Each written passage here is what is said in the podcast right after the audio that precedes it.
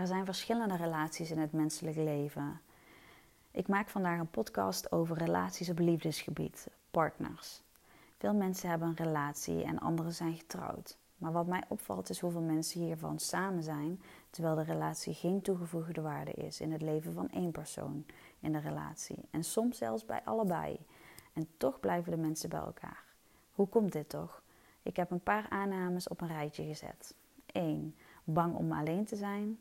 2. De hoop hebben dat het beter wordt en dat de ander wellicht verandert. 3. Geen moeite willen doen om alleen te zijn of een nieuwe partner te zoeken. 4. De anderen geen pijn willen doen.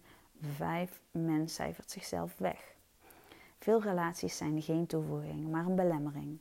Waarom blijven mensen toch hangen in een relatie die de mens meer slecht doet dan goed, als je de positieve en negatieve punten naast elkaar zet? Misschien moet eerst de vraag gesteld worden: hoe komt dit zover? In veel relaties is uh, op informeel en formeel gebied communicatie wel een boosdoener. Introverte en extroverte mensen communiceren al anders of juist niet. En er zijn nog veel meer redenen of karaktertrekken waarom de communicatie niet loopt of gewoon niet plaatsvindt. De mensen zijn niet gelukkig en gaan maar gewoon door. Gek eigenlijk dat mensen niet voor zichzelf kiezen. Men laat zich veelal leiden door angst. Ik heb al eens een eh, blog gemaakt over angst en in een andere situatie. Maar nu zie je dat veel meer beslissingen worden genomen uit angst. Of juist niet worden genomen uit angst. Relaties in alle vormen zijn lastig te onderhouden en ze kosten veel energie, positieve energie.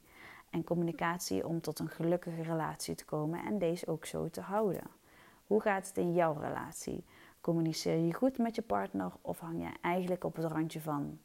De relatie is meer een belemmering dan een toevoeging. De vraag is: kies jij voor jezelf